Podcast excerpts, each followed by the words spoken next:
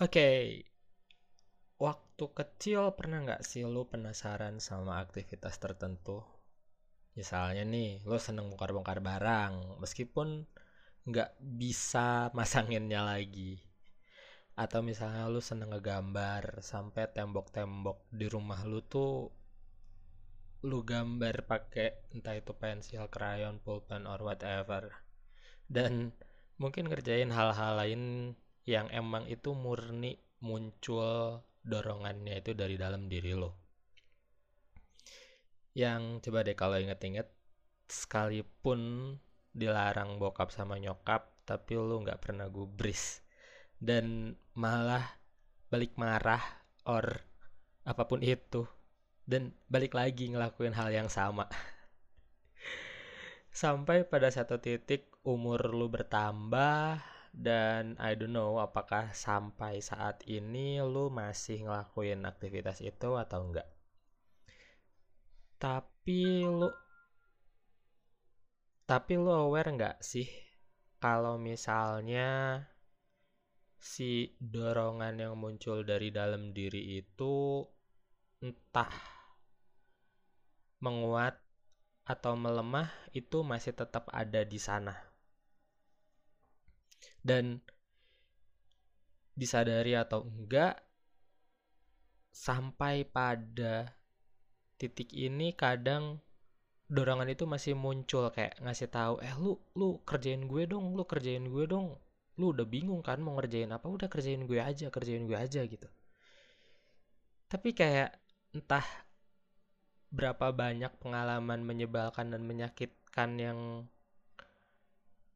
lu terima setelah melakukan aktivitas itu jadi kesannya lu mengabaikan itu. Padahal lu lu tahu bahwa lu bisa ngerjain itu gitu. Nah hal ini sebenarnya ada contohnya dan gue bisa bilang ini salah satu cerita yang menurut gue menarik. Cerita dari Leonardo da Vinci. Ceritanya gue ambil dari buku berjudul Mastery karya Robert Greene. Jadi gue mulai aja ya ceritanya. Oke, di akhir tahun 1519, setelah sakit sekian lama, jadi Leonardo da Vinci ini udah sakit kurang lebih selama 2 tahun terakhir dan dia ngerasa kalau misalnya hidupnya tuh udah tinggal menghitung hari detik demi detik gitu. I don't know. Lagu itu belum ada kali ya zaman Leonardo da Vinci. Nah dua tahun terakhir itu dia tinggal di Perancis sebagai tamu kehormatan Raja Perancis François I posisinya sangat terhormat karena dia menjadi seorang penasehat kerajaan yang sarannya sangat didengarkan of course sama sang raja François I tapi karena umurnya udah mencapai 67 tahun dan ngerasa kalau misalnya bentar lagi mau meninggalkan dunia jadi doi pengen bener-bener istirahat di rumahnya dan meninggalkan semua urusan tentang kerajaan. Jadi dia sama sekali nggak mau ngurusin urusan kerajaan. Dia pengen istirahat dengan tenang dan menikmati sisa-sisa masa hidupnya Nah, selama lagi masa istirahat di rumahnya, Do itu lebih sering kayak refleksi, ceritain masa lalu masa lalunya based on pengalaman dia. Dibanding yang sebelum-sebelumnya tuh lebih ke arah kayak menceritakan tentang dia, tentang idenya dia, tentang gagasannya dia, tentang apa pun yang ada di pikirannya dan apa pun yang dia kerjakan. Ya, menjelang akhir hayat biasanya sih setiap orang mungkin akan mengalami hal itu ya kayak terngiang-ngiang masa kecil gitu. Kenapa ya gue bisa sampai titik ini di saat ini? Terus kayak mulai kepikiran oh iya gue waktu kecil kayak gini ya waktu gue muda kayak gini ya gitu. Mungkin itu juga yang dialamin sama Leonardo da Vinci. Jadi diceritain dari buku ini bahwa Leonardo muda tuh selalu kepikiran dengan satu pertanyaan. Yang pertanyaan itu terus-terusan minta jawaban tapi dianya sama sekali nggak bisa jawab pada saat itu. Pertanyaannya adalah, apakah ada sejenis dorongan dari dalam diri yang membuat semua makhluk hidup itu tumbuh dan berkembang dengan sendirinya? Nah, jika ada, Leonardo tuh pengen tahu tuh. Dan memang mulai dari dia kecil sampai akhir hayatnya or menjelang akhir hayatnya dia selalu mempertanyakan hal itu ke dirinya sendiri. Dan menjelang akhir hayatnya inilah dia benar-benar ingin tahu apa jawabannya gitu. Jadi ini proses dia menuju akhir hayatnya gitu guys. Kalau misalnya dari cerita yang ada di bukunya. Gitu. Nah, pas ada satu momen di mana dia mulai nginget tuh dari masa kanak-kanak di daerah Vinci, Florence. Kurang lebih 20 mil dari Florence, Italia. Itu maksudnya. Jadi ayahnya Sir Piero da Vinci adalah seorang bangsawan di daerah Vinci itu. Tapi karena Leonardo merupakan anak di luar nikah, jadi status kebangsawanan ayahnya nggak turun. Dan Doi malah menghadapi kesulitan untuk mendapatkan pendidikan formal atau kayak fasilitas-fasilitas hidup sebagai seorang bangsawan gitu karena dia nggak bisa mengenyam pendidikan formal yang pada akhirnya diakui pada masanya dengan gelar kebangsawanannya, maka Leonardo kecil itu selalu bertualang. Dia jalan-jalan ke bukit dan hutan di sekitar rumahnya. Jadi pas bertualang tuh dia sempat masuk hutan yang penuh dengan babi hutan. Entah dia dikejar atau enggak, nggak diceritain sih. Terus menemukan air terjun yang arusnya tuh deras banget gitu.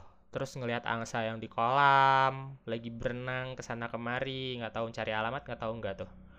Terus dia juga menemukan tumbuhan liar yang bentuknya tuh unik-unik dan belum pernah dia lihat di perbukitan dekat rumahnya. Nggak deket sih kayaknya tapi seputaran rumahnya dan berbagai jenis kehidupan yang tumbuh dan ada gitu di berbagai tempat yang memang dia kunjungi pada saat bertualang itu. Nah, pada satu waktu Leonardo entah kenapa muncul dorongan dari dalam dirinya untuk nyelinap ke kantor ayahnya, ngambil beberapa lembar kertas. Kertas pada saat itu merupakan barang yang cukup langka dan bisa dibilang barang mewah. Tapi karena status kebangsawanan ayahnya, ya ada cukup banyak stok kertas di rumahnya yang dia ambil gitu. Di buku ini nggak diceritain sih gimana dia ngegambarnya, apakah pakai pensil, krayon, or whatever. Alat tulisnya nggak diceritain gitu.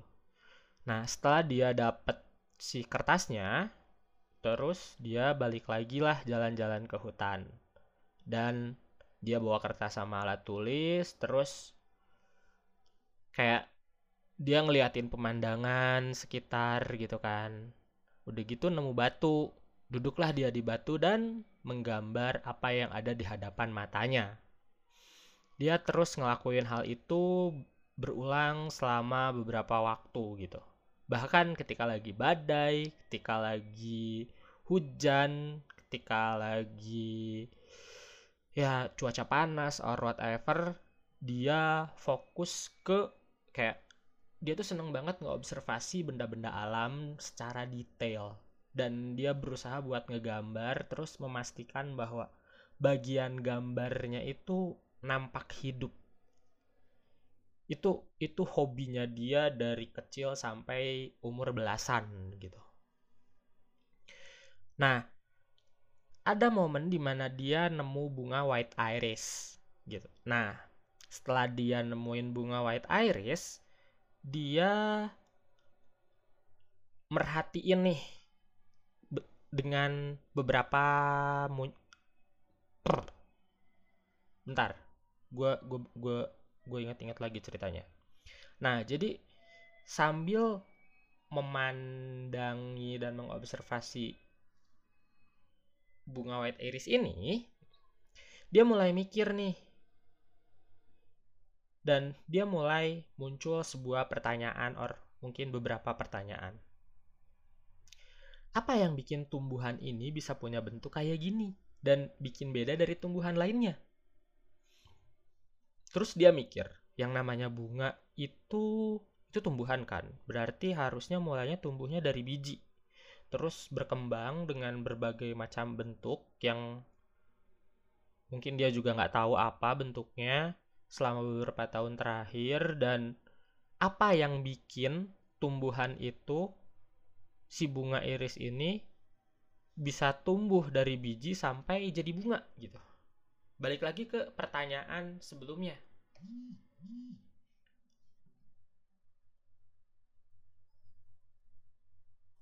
Balik lagi ke pertanyaan sebelumnya. Terus kalau misalnya nanti nih bunga aku gambar sekarang, kemudian aku balik lagi beberapa tahun ke depan, ini bentuk bunganya bakal jadi kayak apa ya? Itu pertanyaan Leonardo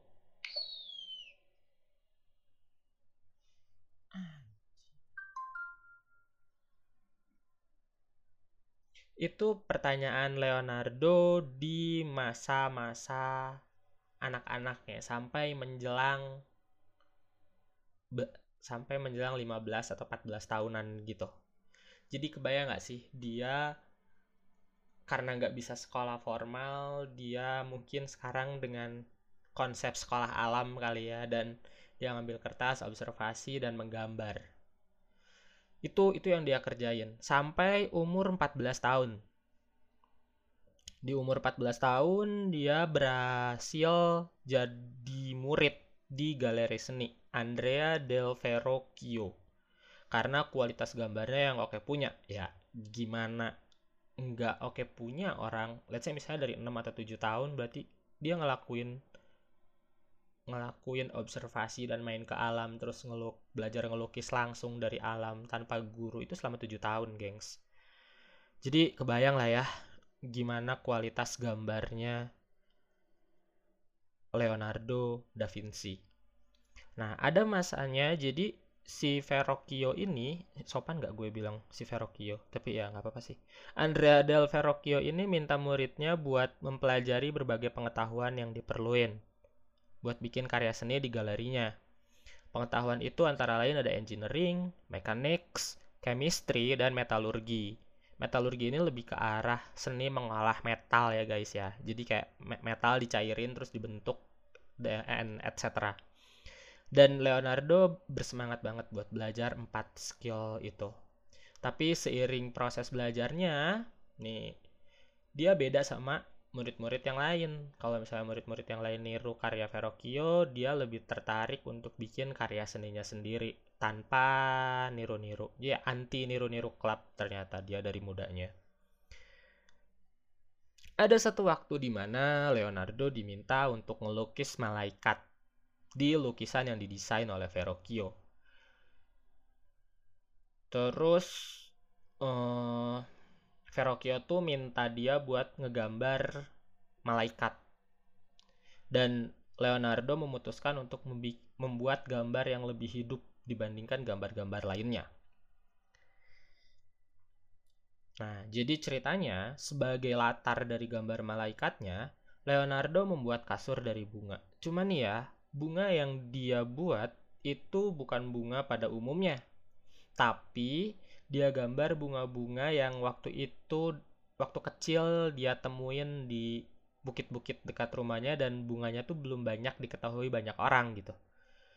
Jadi dia mulai menggambarnya pertama dari latarnya dulu kasur bunga dengan bunga-bunga yang nggak familiar dan nggak banyak diketahui orang baru digambar malaikatnya dan si muka malaikatnya ini digambar dengan warna yang nunjukin ekspresi kalau wajahnya tuh lagi doa dan husuk banget gitu.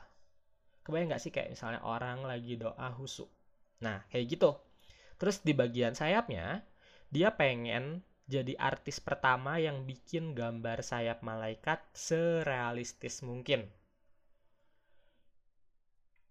Nah jadi untuk mewujudkan keinginannya Leonardo pergi ke pasar dan beli beberapa jenis burung guys. Dia berlatih menggambar sayap burung itu dan kayak dia bener-bener merhatiin gimana si sayap itu beneran nyambung sama badan. Gitu. Jadi harapannya dia bisa tahu dan dia bisa ngegambar bahwa memang si sayap malaikatnya itu tumbuh di bahunya bukan tempelan doang gitu kayak hidung Squidward di patungnya SpongeBob nah udah gitu dia mulailah bereksperimen dan menggambar gitu kan. Setelah selesai bikin malaikatnya, Leonardo malah jadi tertarik sama burung dan ada ide di kepalanya kalau manusia tuh bisa beneran terbang kayak burung. Cuman seiring berjalannya waktu, dia belajar tentang gimana cara burung terbang. Gitu. Tapi di sini dia nggak diceritain sih apakah emang beneran dia bisa terbang atau enggak cuman yang difokusin dari buku ini adalah lebih ke arah cara kerja pikiran si Leonardo ini. Eh sopan gak sih gue bilang si Leonardo? Ya nggak apa-apa deh. Yang jelas Leonardo ini dijelaskan bahwa dia punya cara berpikir dengan kayak dia ngambil satu ide, satu ide, satu ide dari beberapa pieces pengetahuan gitu, dari beberapa pieces informasi yang dia punya dan dia sambung menyambung idenya itu disambung-sambungin jadi satu gagasan utama atau satu gambaran besar gitu. Itu cara kerja berpikir Leonardo ketika membuat sebuah karya seni.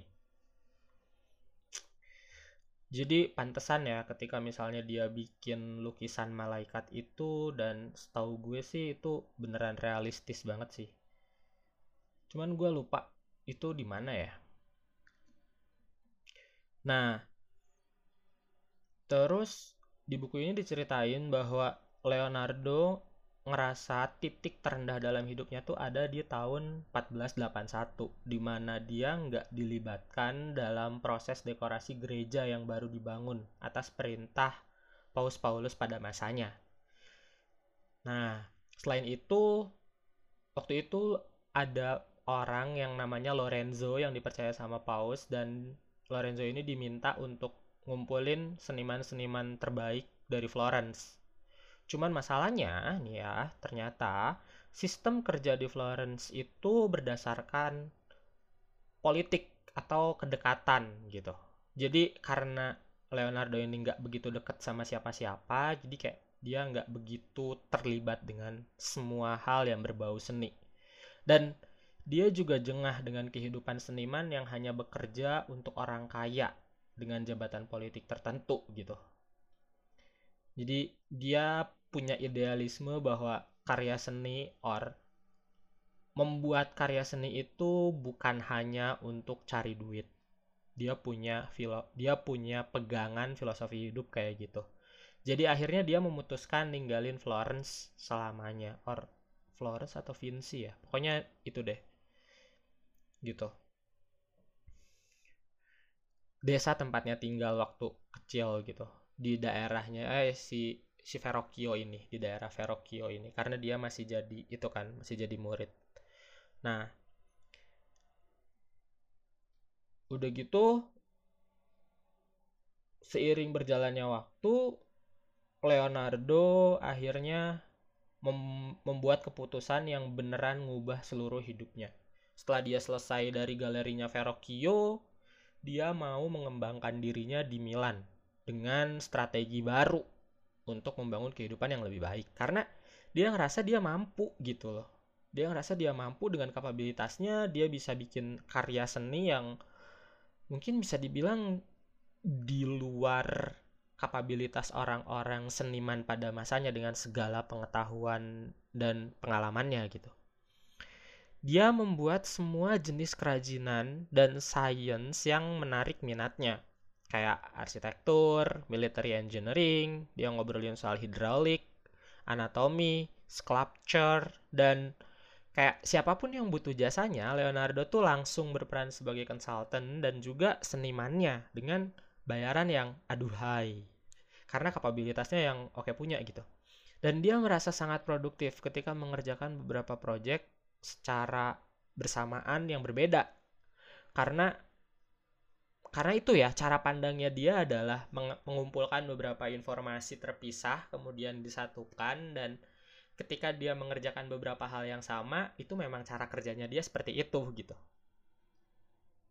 Dan proyek paling bersejarah dengan bayaran paling besar adalah membuat patung perunggu di Memory of San di Memory of Francesco Sforza, ayah dari bangsawan Milan pada masanya.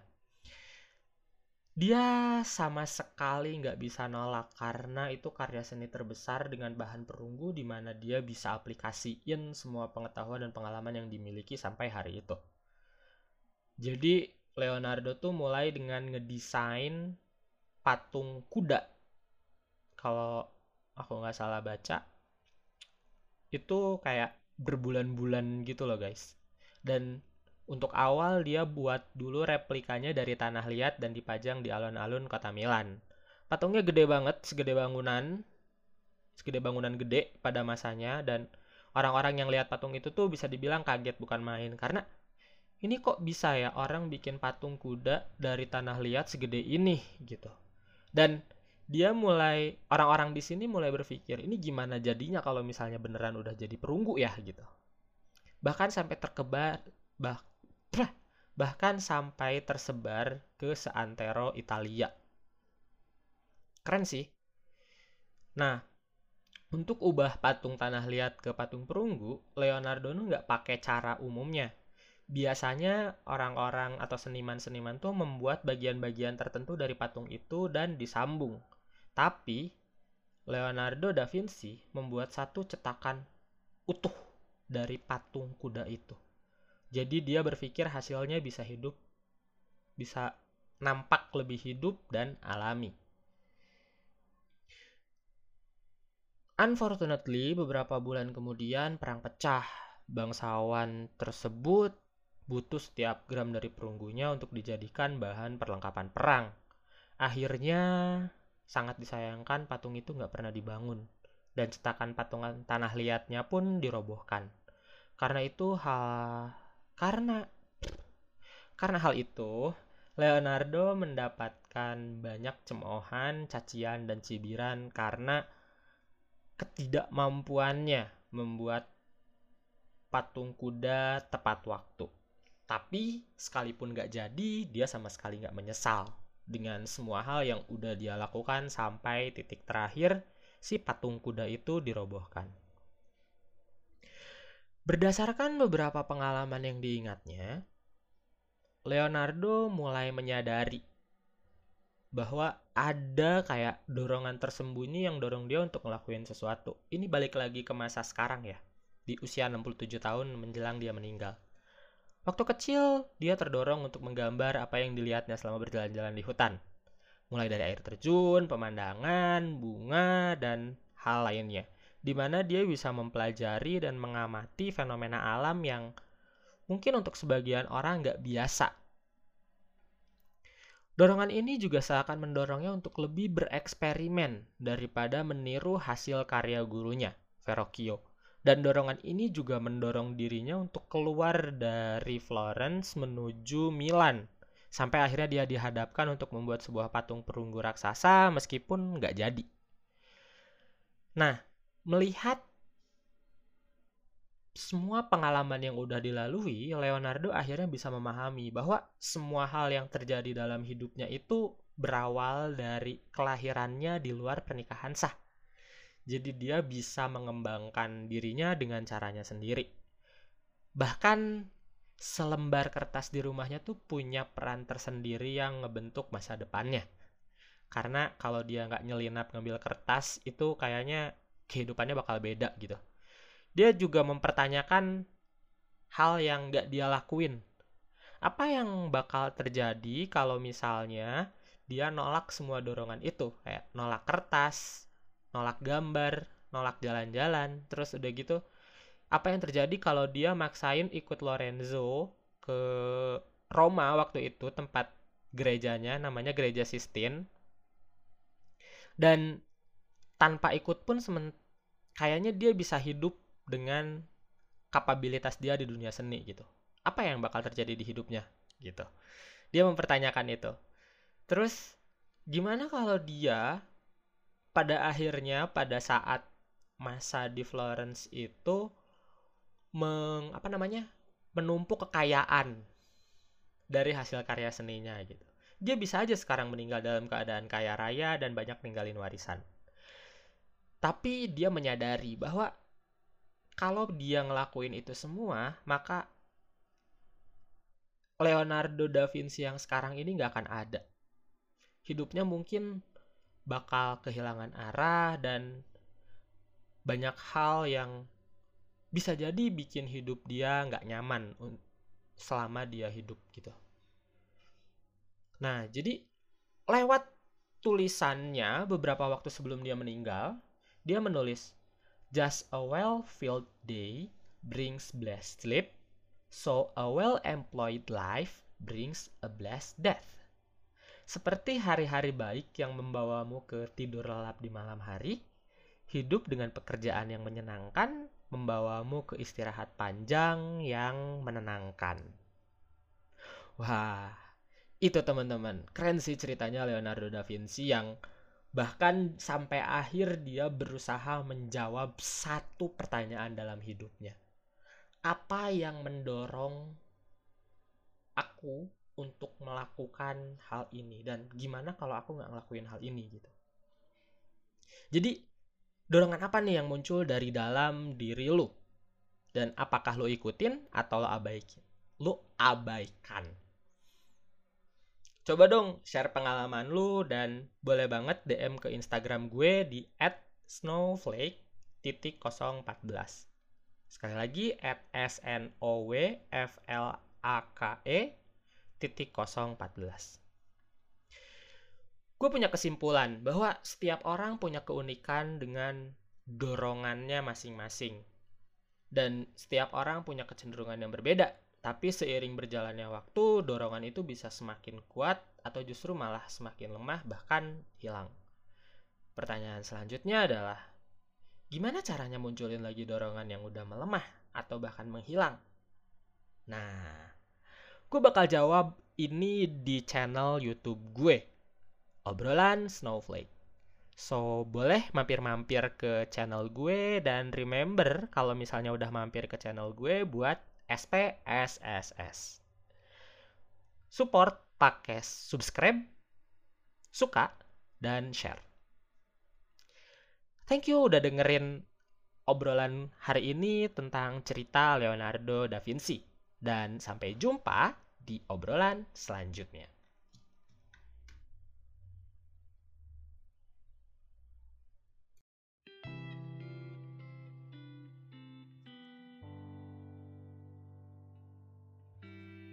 Makasih loh udah mau dengerin episode ini sampai selesai. Kalau kamu nemuin manfaat dari episode ini, tolong share ke orang yang paling membutuhkan ya. Satu share kamu sangat berharga buat aku dan juga orang yang kamu bantu itu. Have a good day.